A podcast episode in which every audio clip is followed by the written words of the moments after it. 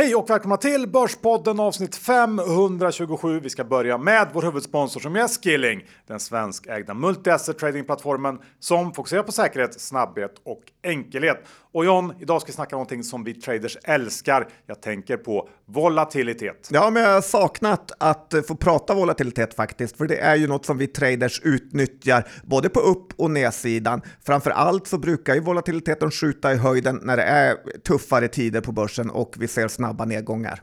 Så är det och vice versa så brukar volatiliteten vara låg när det är lugnt där ute. Eh, sen kan man ju också använda VIX index som ju mäter volatiliteten eh, som en temperaturmätare på marknaden och också avgöra när börsen står inför kanske lite större vändningar genom då att titta på VIX index. Ja, och det här är väldigt populärt att trada bland traders eh, ska man komma ihåg. Eh, Skilling erbjuder ju självklart möjlighet att trada i VIX index. Det gör de och numera kan man ju också göra detta i en kapitalförsäkring för Skilling har en kapitalförsäkringslösning i samarbete med Hubins. Man kan läsa allt om den här lösningen i länken som finns i avsnittsbeskrivningen. Men kom ihåg att 82% av riskkunder förlorar pengarna om man använder CFD Spökskilling.com för en fullständig Och John, med det så säger vi ett stort tack till Skilling! Lite nervigt nu John. Varför då? Det är ett spännande avsnitt vi har framför oss. Så är det verkligen, för det har hänt mycket. Det är Drain the Swamp-läge och eh, det är massager och det är allt möjligt som har stört den. Men sen är det även några positiva grejer också. Ja, och allt det här ska vi ta upp idag. I dagens Börspodden! Vi är denna vecka sponsrade av Saveland som ger dig stabil avkastning utan tur och timing genom att investera i räntor. Ja, det är helt otroligt. Börsen är ju väldigt svajig nu och när jag säger svajig så menar jag att den har gått ner och det är tråkigt, men det gör det inte om du har dina pengar hos Saveland. Nej, för Saveland fortsätter att leverera positiv avkastning till alla sparare månad efter månad. Det är faktiskt så att det inte varit någon månad med negativ avkastning sedan 2016. Det älskar vi och vi eh, har ju som sagt pengar bakom våra ord. Vi har en halv miljon hos Saveland, vilket vi är väldigt glada att vi har i dessa oroliga tider. Precis. Och nu har vi också en bonuskod till alla lyssnare som är intresserade av att testa eh, att spara i räntor hos Saveland. Koden är Börspodden och med hjälp av den så kan man då få en liten bonus när man gör sin första insättning. Det här gäller alltså då nya kunder. Stoppar man in minst 5000 kronor så ger det en bonus på 200 kronor. Stoppar man in 10 000 kronor eller mer så ger det en bonus på 400 kronor och väljer man att sätta in 20 000 kronor eller mer så ger det en bonus på 600 kronor. Och det här är då med koden Börspodden. Så det här tycker jag verkligen att man ska utnyttja. Ja, man brukar ju säga att det inte finns några gratis luncher på finansmarknaderna, men här finns det ju faktiskt flera gratis luncher, eh, så det ska man utnyttja. Ja, så surfa in på saveland.se och testa det här. Vi säger stort tack till Saveland! Johan, Dr. Bass Isaksson Index är 21.35 och det är lite sån här has been fest. Eh, det är väldigt långt upp till 22 100 ytan här. Känns lite som att vi redan drunknat faktiskt, så här som en kräfta. Att eh, helvetet brakar aldrig lös, men på något sätt är vi ändå där nu med svinhöga räntor, usel växelkurs och dålig börs. Eh, lägg ut landet för oss. Ja, jag hade kanske tänkt mig lite värre saker när jag sa det där med helvetet. Okej, okay, ja. ännu värre. Men vi är på god väg kanske. Kan vara början på början. Början på början. Nej, men det börjar bli lite surt utan då. Jag håller med dig. Och eh, det känns ju som att vi nu här sista veckan faktiskt börjar bryta ner efter att ha stått och vägt ganska mycket sista månaden. Eh, börsen börjar kanske ta in det här att räntorna, de ska inte ner i närtid om inte ekonomin faller ihop fullständigt och inget av de alternativen är bra för aktier. Eh, som grädde på moset ska ju rusta in på börsen, det har du sett kanske? Det har jag sett. Ja, det är väl inte så konstigt. Eh, Clas Ohlson går ju som tåget och investerarna skriker efter sådana här lågkonjunkturbolag och ratar tech. Men... Och vi sätter förvärvet med dollar står eh, också. Precis. Eh, men jag gillar ju ändå att vi kommit hit. Att noteringen av Rusta är det hetaste just nu. Det säger någonting om att pendeln ändå rört sig en hel del från den här håstoppen vi hade för typ två år sedan. Så att, eh, ja, det händer saker. Både ja och nej. I USA noterar de det här ARM, som är väl det hetaste av det hetade ja. Eh, med eh, semiconductors. Och här hemma noterar vi Rusta. Det är Men, inte riktigt premium premium läge. USA ligger väl lite före ändå på något sätt. Ja, det får man säga. Ja. Nej, men tittar man på börsen och index nu så är vi på samma nivåer som vi var i mars 2022 på index. Tittar man på Avanza Zero för att få med utdelningarna här så är det på samma nivå som i juni 2022. Och det får man ändå säga är ganska dåligt presterat av börsen. Eh, jag tycker inte att man ska ge upp börsen, för det är rätt eh, ofta som vi ändå har ja, men ett och ett halvt, två svaga årscyklar där inget riktigt händer eh, eller att det går ner för att sen ta fart igen. Det är tre månader kvar av 2023 och sen tittar vi framåt. Man ska nog ha ganska mycket torrt krut i sin portfölj här för en svettig oktober där det kan komma ja, men fenomenala lägen. Och man ska komma ihåg att det här gäller inte bara aktier, utan det kan gälla bostäder, fritidshus, båtar med mera. Halva livet, eh, kanske du känner igen Johan, har man ju fått höra om de här som köpte skärgårdsställen under 90-talskrisen. Mm. Typ min pappa plockade upp det här 93. Så är det ju, men dit är vi ju, det är en bit kvar dit. Det är en bit kvar. Tyvärr. Kan vara kanske räcker att vänta till oktober. Ja. Nej, men grejen är, ha torrt krut för det kommer komma fyndlägen och eh, titta på folk som är tvungna att sälja. Det håller jag med om och, och det du sa om att ja, vi eh, ligger kvar på nollan sedan ett år tillbaka inklusive utdelningar. Ja, tittar man på småbolagen så är det ju långt mycket värre än så. Eh, då var det ju över två år sedan det toppade och småbolagen är ner jättemycket sedan dess så att eh, det är lite värre kanske än vad det ser ut om man tittar på storbolagsindex. Så är det. Mm. Eh, och någonting som gör ännu värre, det är ju att skandalerna fortsätter att avlösa varandra på börsen. Det gör det verkligen.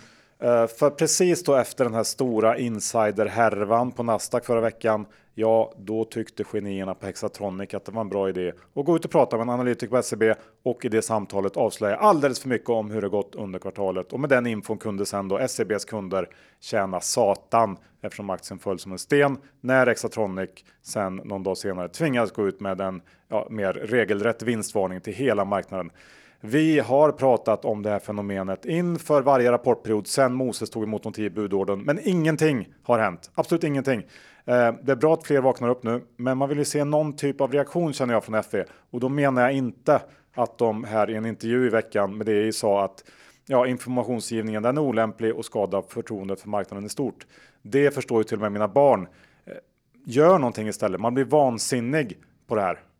Ja, man blir, ja, man blir fruktansvärt galen och som du säger, eh, som jag tänkt på, det här har vi ju pratat om i tio år nu. Hur vansinnigt det är att det får pågå kvartal efter kvartal. Och lite kan jag tycka att SCBs analytiker gör ju inte ens något fel. De träffar ledningen och ledningen ger dem eh, info. Det är klart de kommer agera på det ja. eh, och hjälpa ja, sina kunder att eh, spara eller tjäna massa, massa pengar. Ja, så är det. Och sen tänkte jag en följdeffekt av att man vet att den här typen av informationsgivning pågår hela tiden, det är ju att när en aktie börjar röra på sig, då vågar man inte riktigt gå emot. Eh, vi kan ju ta Sinch igår som ett färskt exempel. Aktien börjar gå ner kraftigt utan att det finns någon som helst info ute och direkt så tänker man ju analytikermassage. Ja, även Duroc var ju ute och skickade ett pressmeddelande att eh, eh, det inte fanns någon anledning för nedgången för att aktien hade gått ner under några dagar. Förmodligen lite så här oroliga att någon har tänkt att de har masserat, inte för att någon skulle bry sig om Duroc, men ändå. Så att det skapar ju väldig eh, svajighet på börsen. Sen idag Johan, det såg du säkert, men Essity blev ju nedgraderade av både Pareto och eh, Nordea. Eh, gissa vilka som har rapport om exakt en månad minus någon dag? Jo, det är Essity som har varit och snackat ner kursen, eh, för den har ju fortsatt att falla. Och ja, en dag senare får vi retail-kunder reda på det här. Magnus Groth är inte bara en usel vd utan även en massör här. Så det är trist att eh, se faktiskt. hur de håller på. och att FI är så alltså enormt eh, tandlösa. Det är ju lite det här eh, drain the swamp-läge eh, som man, Trump brukar eh, prata om, som man är sugen på nu. Eh, du kanske har läst med det här att eh, Finansinspektionschefen har blivit tagen lite med byxorna nere när det visat sig att han strösslat med pensionsspararnas eh, pengar till Heimstaden, eh, där han på sitt tidigare jobb då är godkänt att man skickat in flera miljarder i det här svarta hålet som Heimstaden har blivit, trots att man nästan vetat om att det ska bli en eh, dålig affär. Så då har vi FI-chefen, vi har Alecta-topparna, Nasdaqs insiderman, vi har analytiker massage och det här är ju saker som bara hänt de senaste två veckorna. Jag får ju känslan att vi har världens sämsta finansmarknadsminister som inte har sagt ett ord. Nej, vart är han? Ja, det kan vara världens sämsta eller kanske näst sämsta. För den sämsta var ju Per Bolund som inte förstod någonting alls utan bara ville ha plastpåseskatt. Men det är faktiskt dags för Niklas Wykman att vakna upp nu. Han var tuff i muff, men han skulle göra skillnad eh, på riktigt eh, så blev allt bara ett haveri. Och det är ju alla sådana här skandaler som gör att kronan är jättesvag för att det är korrupta gubbar som sitter och skyddar varandra på de högsta posterna i samhället. Men nu har ju faktiskt SEKen stärkt sig där. Ja, men det har det gjort. Jag tror verkligen inte man ska se det här som någon typ av rekyl och absolut inte tro att det har vänt nu, utan det är Riksbanken har sagt att man ska växla bort lite av sin valutareserv eh, och på så sätt eh, stärka kronan. Eh, så att den här traden är nog lite frontad, för det här ska ske över flera år, kombinerat med att det är nog stora flöden av momentum fonder som har tagit hem en fin vinst. För i grunden finns det inget eh, som bara tyder på att det har vänt just nu. I alla fall min take. Du, vi byter ämne till någonting mycket roligare och trevligare och jag tänker då på Affärsvärldens höstmingel som vi var på, både du och jag förra veckan. Ja, det var trevligt. Ja, det... Berätta, vad är dina takes Nej, men Man får ändå ge Benson det. Man tror inte riktigt att han ska vara en festfixare. Nej, partyprisse. Ja. Nej, men det blir väldigt bra. Det är lite elitkänsla på det där eventet faktiskt. Ja, det är trevligt. Eh, Jopen vågar inte komma. Nej, han dricker väl inte så här, han har inte druckit närmsta, senaste halvåret. Nej, uh, ja. Du, nej men jag, jag, vet inte, jag har inte berättat det för dig, men nej. lite senare på kvällen så stod, stod jag och pratade med Benson och eh, då fick jag för mig att jag skulle öppna upp en egen liten bettingbok och gav då Benson möjligheten att betta på Rydell som vinnare mot dig. Uh, I och för sig så erbjöd jag honom hundra gånger pengarna. uh, och uh, då, då kändes han extremt konfident och ville betta ganska stora summor. Oj då. Ja. så hur mycket tillät du han? Grejen var att jag fegade ur lite grann för att jag kände att jag vill inte bli, om det otänkbara händer så vill jag inte bli skyldig Benson så här miljontals kronor. Jobba av dem under en lång period. så att ja, ja, till slut så blev det inget bett för Benson. Men han var väldigt sugen, så jag känner lite så här, kan Rydell ha någon, kan det vara en dark horse här så kommer lite grann? Nej, men det tror jag inte. Nej. Eh, absolut inte. Så det var mer eh, stundens ingivelse av Benson kanske. Ja, jag borde tagit det här bettet. Ja, du borde verkligen tagit ja, det. Jag var ju sugen. Ja, faktiskt. Men det var när han började liksom ladda upp. ja, men det är kul att han, att, att han tror på sina anställda. Ja, det är det. Eh, nej, men jag tyckte också att det var en kul fest där. Eh, pratade med många från Modular Finance, alltid imponerad över vilken personal Petter eh, Hedborg och Måns Flodberg har anställt. Alltid lika roliga. Handelsbankens Johan Edberg var ju där. Skulle såklart eh, snacka FN-tjänst, det kanske du hörde? Ja, det, direkt. Ja, direkt skulle han göra det. Och du vet ju att jag inte gillar att snacka Nej. om det. Att, ja visst, vi är väl båda någon typ av krigshjältar där. Jag förmodligen mer för att jag var där innan, plus sniper-grejen. Men ändå, ja. jag vill helst att folk inte liksom tar upp det med mig hela tiden. Och sen måste man ju förstå det, du kan ju inte berätta så mycket. Nej, det är ju... Det är classified. Ja, så är det. Ja, men då lämnar vi det. Och sen var ju det eh, ett annat event den här veckan som eh, det också har snackats om. Det var ju Feminvest. Eh, har du läst något om Nej, det? Ingenting. Det var en liten höjdpunkt jag fick rapporterad till mig där. Det var att Jocke Bornold, lite oväntat att han är på Feminvest, men där var han och stod på scen och verkar trott att det var någon typ av ladies night. Det var vita sneakers, skjortan uppknäppt och han lekte extremt charmig. Eh, så var det lite frågestund på scen där. Då fick han frågan om han var en spara eller eh, slösa. Eh, då tror man ju att en sparekonom ska kanske svara spara då, eller? Ja, ja. Men han sa att han hade en extremt hög burner rate. 100 procent för att imponera på tjejerna i publiken där kan det vi säga. Det tror man inte på honom. Nej, Jocke Bornhold från Åkersberga har extremt hög burn rate. Eh, ska du veta där ute. Helt ny sida från honom. Det var nog lite storhetsvansinne där på scen. Så kan det ha varit och på tal om det så ska du få ge lite tradingtips nu. Ja, men det ska jag göra. Tips från coachen behövs i de här tuffa tiderna och det ena är att man ska inte köpa aktier som går ned mest nu. Inte jaga förlorarna på börsen för att de varit svaga. Där har man varit. Ja, utan man ska titta på aktier som är starka trots den här nedgången. för att de kommer vända upp rejält när det vänder eh, sen. För de köparna kommer fortfarande vilja köpa när börsen vänder upp och de som sålt kommer ångra sig och vilja köpa tillbaka.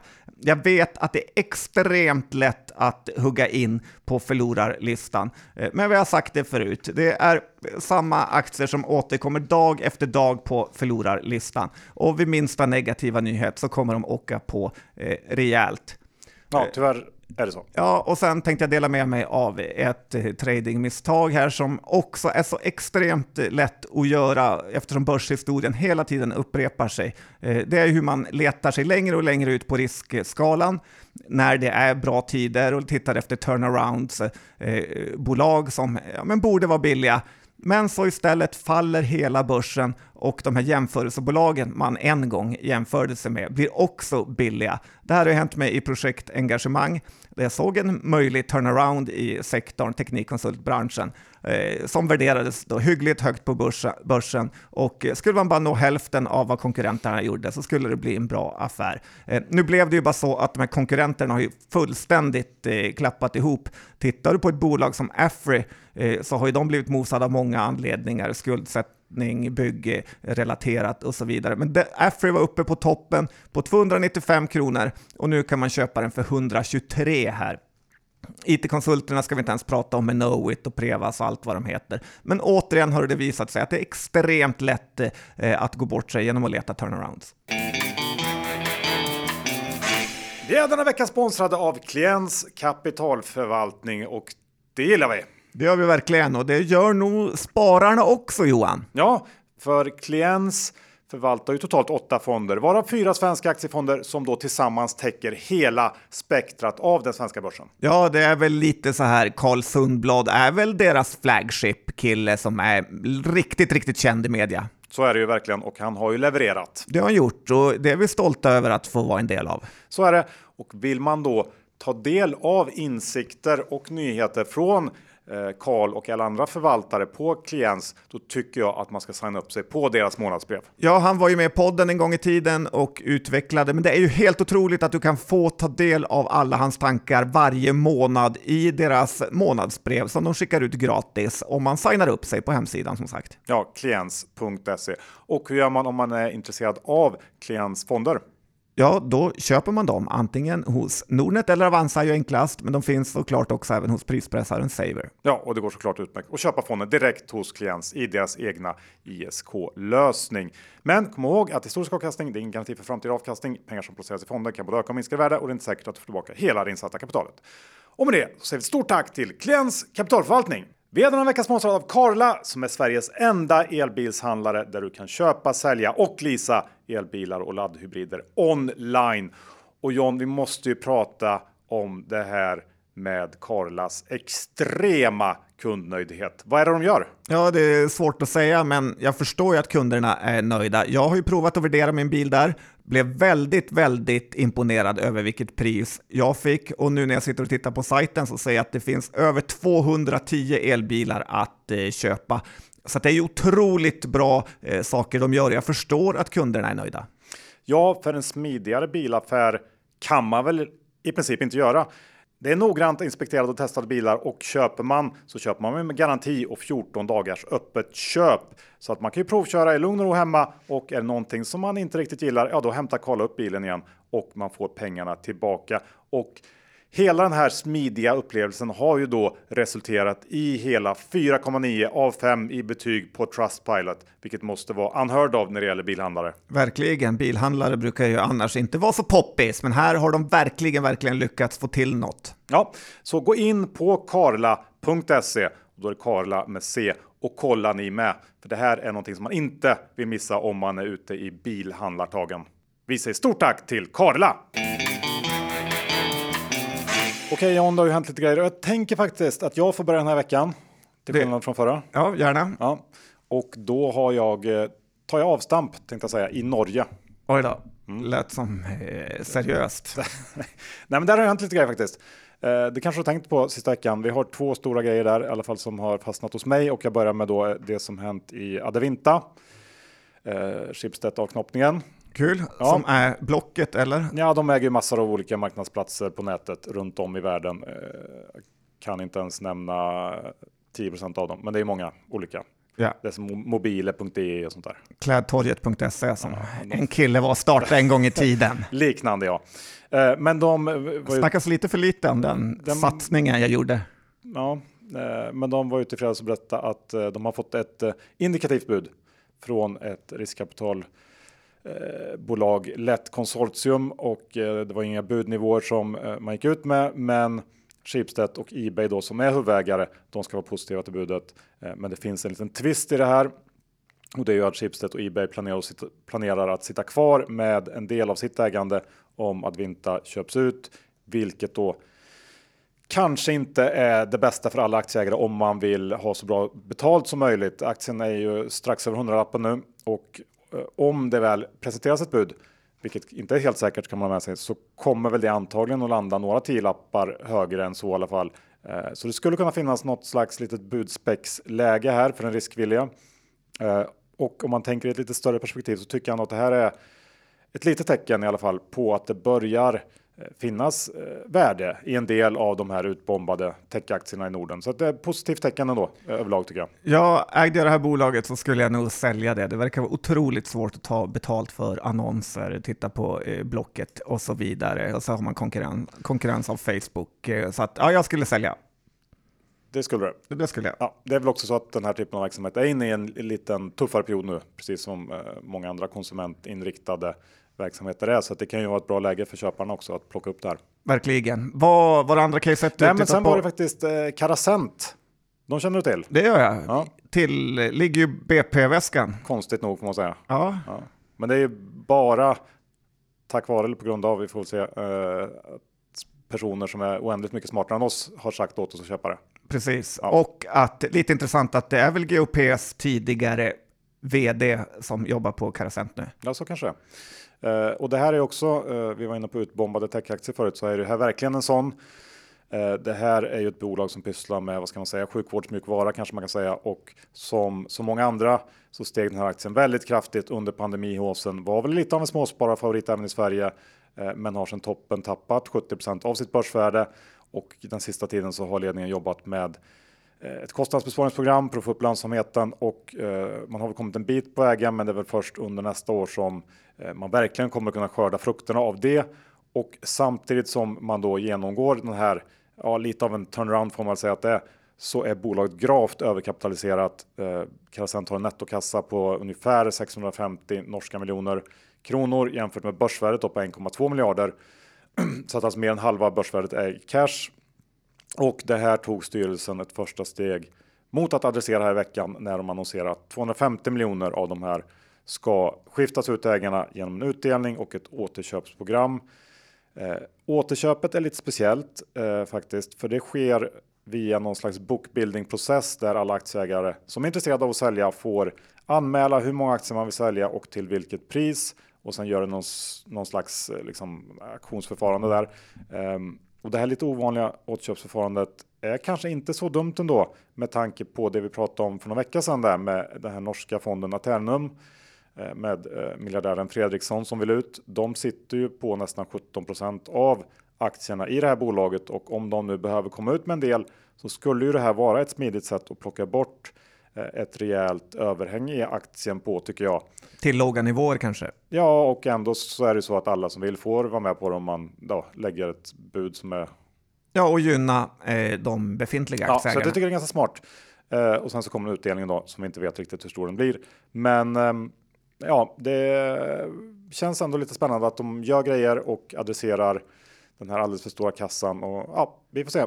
Borde kunna lyfta lite på det här tycker jag. Ja, jag tyckte det lät som ett jättebra sätt att göra återköp istället för att insiders ska kunna sälja rakt in i eh, kortsiktiga återköpsprogram och sen faller aktien eh, tillbaka. Så att, eh, imponerande, vi behåller våra aktier.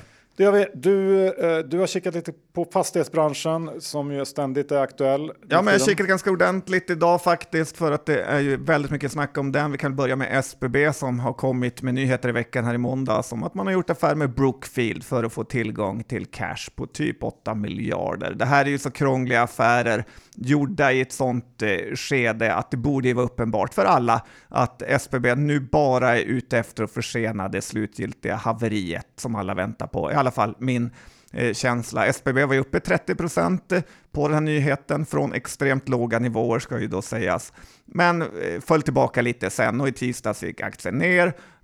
Man har kommit med ytterligare nyheter om att man har sålt fastigheter. Men SBB är ju en lottsedel nu och eh, lottsedeln består då om det blir något eh, kvar eh, till aktieägarna efter att alla skulder är återbetalda. Så gillar man lotter så kan man köpa SBB. Annars kan man absolut inte köpa aktien. Eh, jag tror, ah, och det är som så ofta med lotter att man förlorar på dem. Vill man betta på SBB för att tjäna pengar och eh, på deras överlevnad så ska man nog köpa de här obligationerna istället som jag hör att smarta personer gör, som också handlas till grava rabatter. Men där har man i alla fall mycket, mycket högre möjlighet att få tillbaka sina pengar. Eh, så att eh, köp obligationerna istället för aktien. Jag tror att aktien kommer sluta i noll, eller bli som SAS i princip. Sen en annan fastighetsmiljardär man hör rykten om det är att Rutger är ute och försöker sälja hela M2 alltså hans privata bolag, för att rädda sig själv undan en mastodont konkurs, men att det inte går. Eh, det finns ju källor som både du och jag har druckit öl med Johan, som säger att Rutger har ett negativt eget kapital. Eh, och det här var ju för ett tag sedan, så mm. det är förmodligen ännu värre nu. Eh, kåren ska också ut med väldigt, väldigt många miljarder inom kort för att refinansiera alla sina lån, så att det ser inte bra ut. Eh, en annan grej som har flygit lite under radarn från den halv till helata mainstream media är ju det här eh, som ingen har pratat om, hur Soys egna ägarbolag Compactor har emitterat obligationer eh, på 350 miljoner kronor med eh, Stibor-räntan, alltså 4% plus i så många punkter. Soy får betala i hans ägarbolag. Ja, när var det här? Nyligen eller? Ja, nyligen. Ja, jag vet inte, ganska mycket antar jag. 500? Ja, bra, du bra gissat, men ännu mer. 600 punkter Eh, så Stibor 4% plus eh, 6% till då, då är vi uppe i 10 Och det här är ju för en kille som måste anses ganska stabil, alltså eh, Sven-Olof Johanssons ägarbolag då, får betala 10% i ränta för ett så litet lån som eh, på 350 miljoner. Förstår du vad sämre bolag kommer att få för ränta då? Eh, det är ju faktiskt... Ja, eller det blir snarare så att de inte kan göra det alls. Nej. Lite som K-fast här i veckan med Jakob Karlsson som inte lyckades uh, sätta någon, vad det nu var, obligation eller liknande på typ 300. Ja, så det är ju miljoner. verkligen inte omöjligt att vi står inför något så här kommande Armageddon för fastighetsbolagen som är skuldsatta om inte räntorna kommer ner fort, vilket de inte verkar göra. Och ingen vill ju vara först ut med att vika ner sig, utan alla skjuter de här problemen framför sig för att alla hoppas att någon annan faller först och skapar lite kaos för att man sen då ska få hjälp av regeringen eller så. Lite som med Lehman, att någon måste straffas, eh, men ingen vill vara den som eh, får lägga sig först. Och det är därför de gör de här vansinnesobligationsemitteringarna på extremt höga räntor. Eh, så att det ser väldigt, väldigt eh, eh, mörkt ut för många fastighetsbolag. Och en grej som jag lite, lite stör mig på, och jag vet att du kommer ju inte hålla med här Johan, men Eh, det är ju, jag tycker det är lite konstigt med alla de här hyllningarna som Roger Akelius har fått för att han har sålt på toppen eh, när det inte finns någon som har blåst de svenska pensionsspararna mer än Roger Akelius.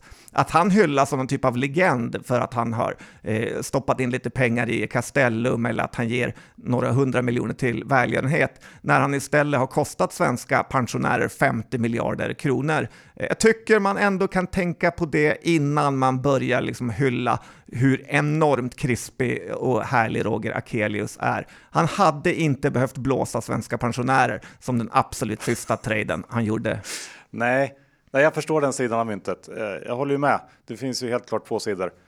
Ja. Men det är ju ändå svårt att inte skylla det på eh, Alekta Heimstaden. Ja, men han borde förstått det är inte, det är inte Akelius fel på något sätt. Nej, men han borde förstått att de är så dumma att det är som att göra affärer med barn. Att han inte behövt sälja till dem. Det är bara det, lite så här, ni behöver inte hylla han så mycket. Han har Nej. blåst oss på 50 miljarder.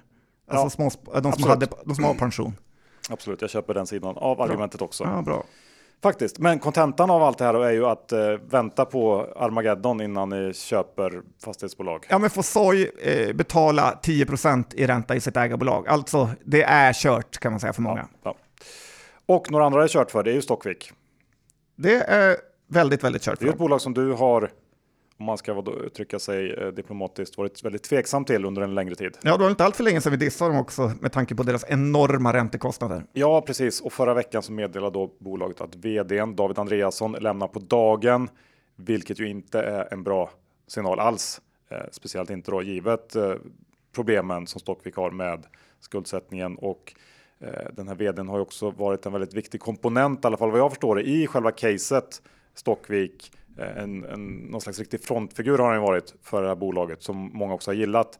Eh, den här aktien är ner över 50% i år. Den är ner över 90% om vi backar två år tillbaka i tiden och det finns ju ingen som helst anledning att ge sig in i den här härvan nu, eh, utan vi får lägga det här bolaget i högen av förvärvsbolag som eh, ja, blivit slaktade helt enkelt. Ja, det finns och, ju inget värde här. Nej, precis så är det. Skulderna är alldeles, alldeles för höga och uh, jag vet inte hur man ska lösa det. Det, ja, men det är monster nyemission på ja. ett öre eller konkurs. Ungefär så. Bra. Så, och, två killar som vet allt. Check på den. Uh, vi går över till uh, New Wave då.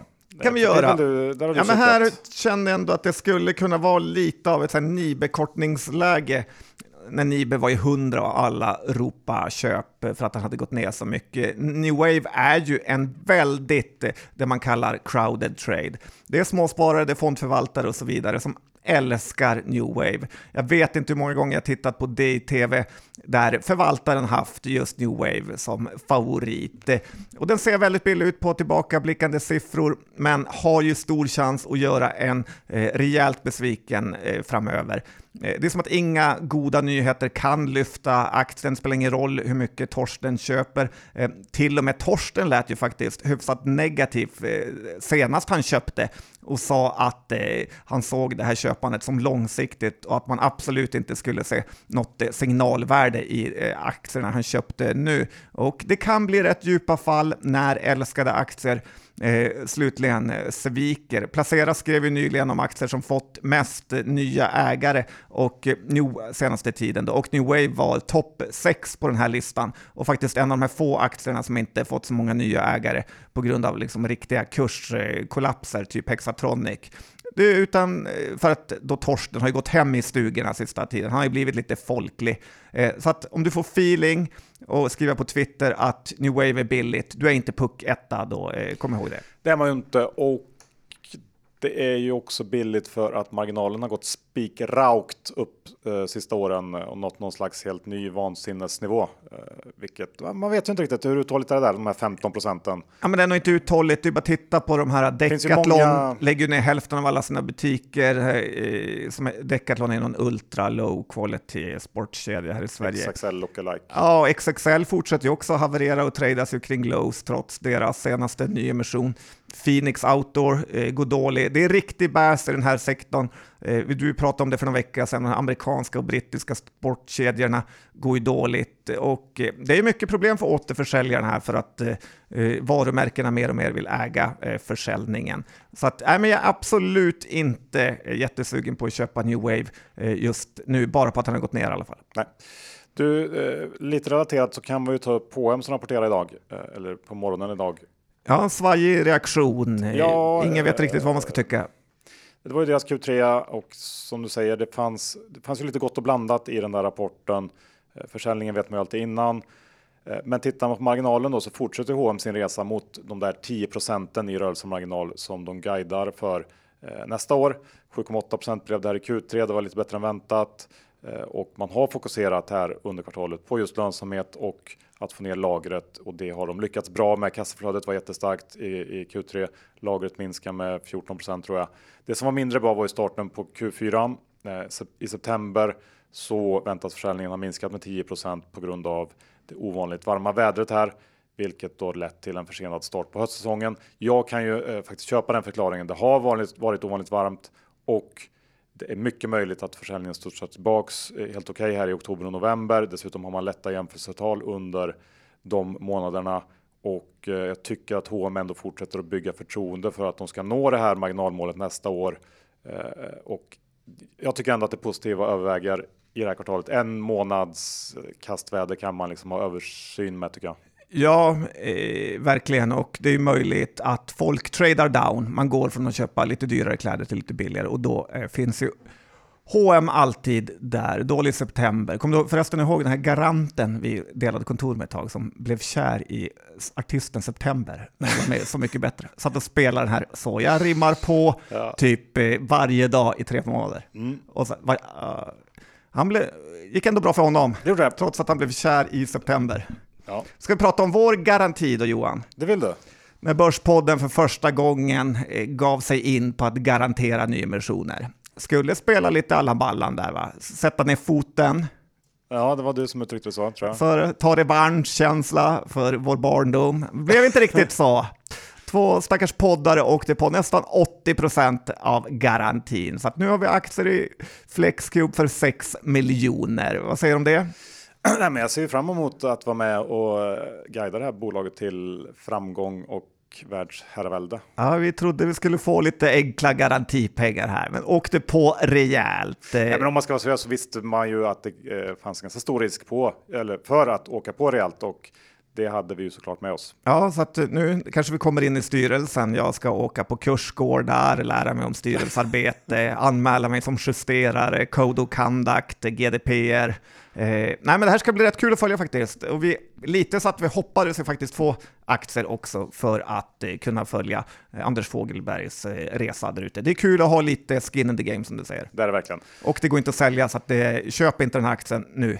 Nej. Så att vi inte försöker, någon tror att vi försöker hetsa. Men det ska Nej, bli kul att följa att Börspodden, äger vi 3% av det här bolaget nu? Jag vet inte vad det slutar på till slut, men kanske någonstans där. Ja, det är okej. Okay. Uh, nej, nej. Men vad är 6 miljoner för två små grabbar? Uh, har vi något mer?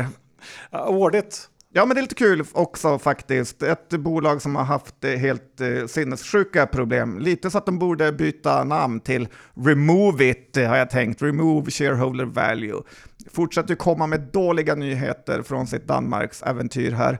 Eh, denna gång får man ta en förlust, eller kundförlust på 4,5 miljon som kommer belasta Q3. Eh, det är nästan länge sedan man har sett ett bolag hamna i den här typen av problem. Eh, från alla håll och kanter som en Så känd poddare. All, som en känd poddare brukar säga, alla håll och kanter. Det var länge sedan du sa det.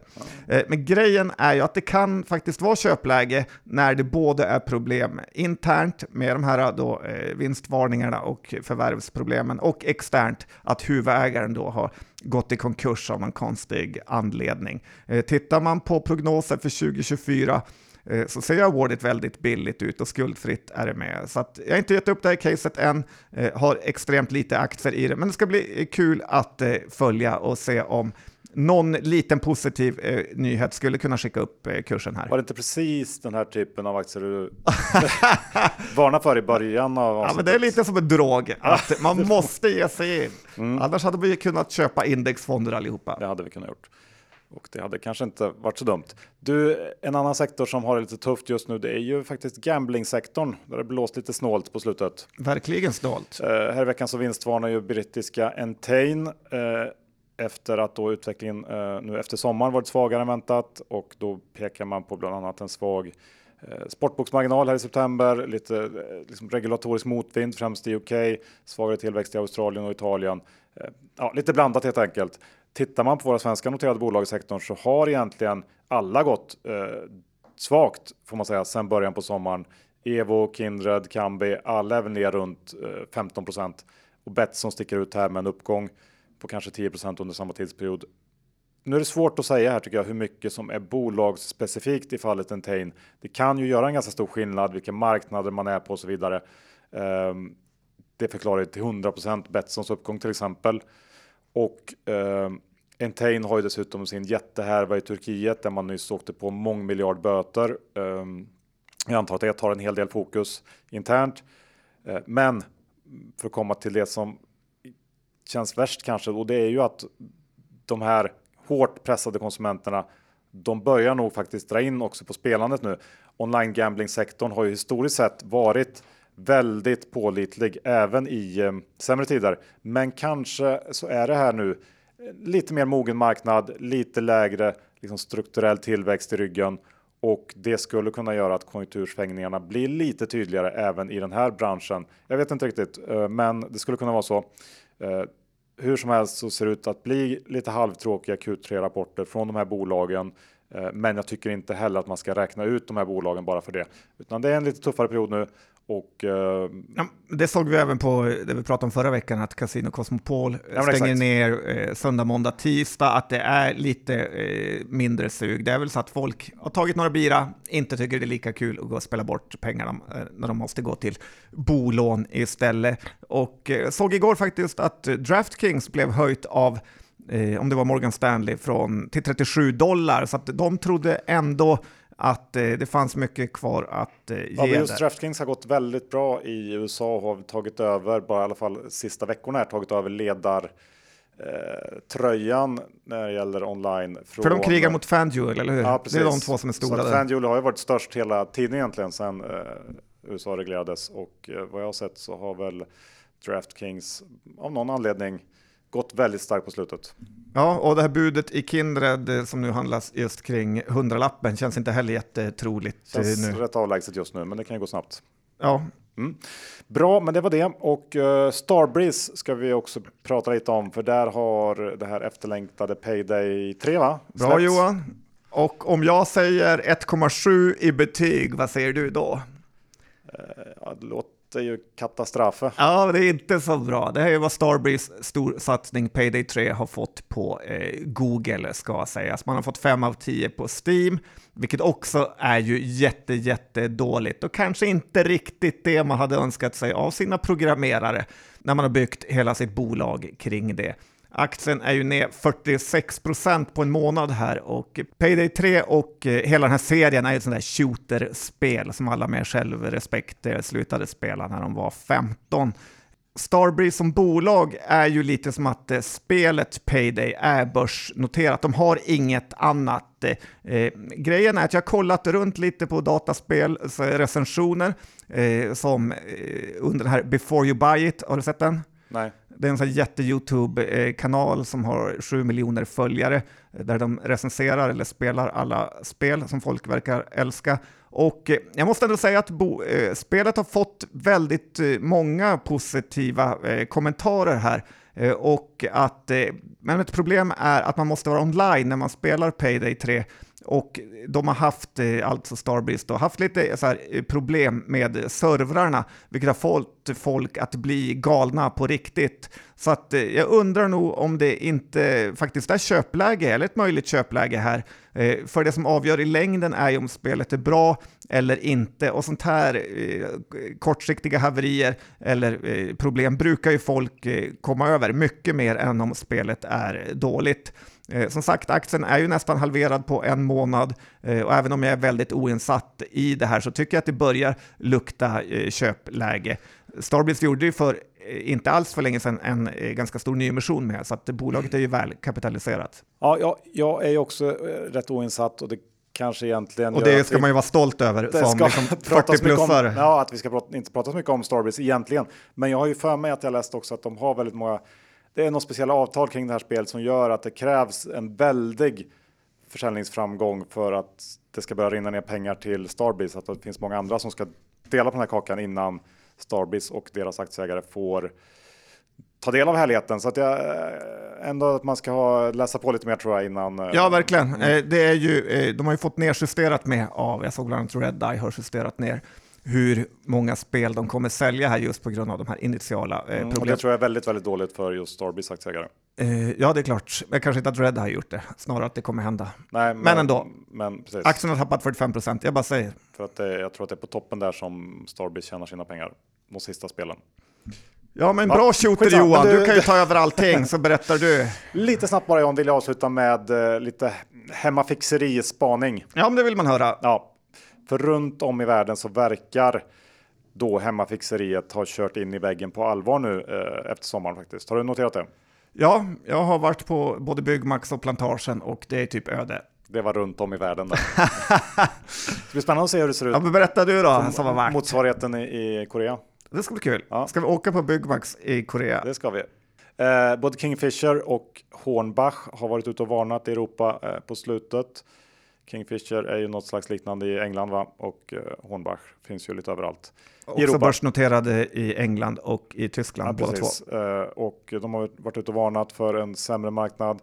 Eh, I september så sänkte ju amerikanska Toro sin helårsprognos med hänvisning till svag efterfrågan från husvägare. Så det verkar Det är väl mer Husqvarna? Eller? Ja, exakt. Mm. Så att um, jag, jag, tror att man ändå ska vara fortsatt försiktig med allt från då Byggmax till eh, Ratos kanske med plantagen och som du sa Husqvarna, BHG möjligtvis. Den typen av bolag. Ja, det känns inte som att det kommer att vända just nu.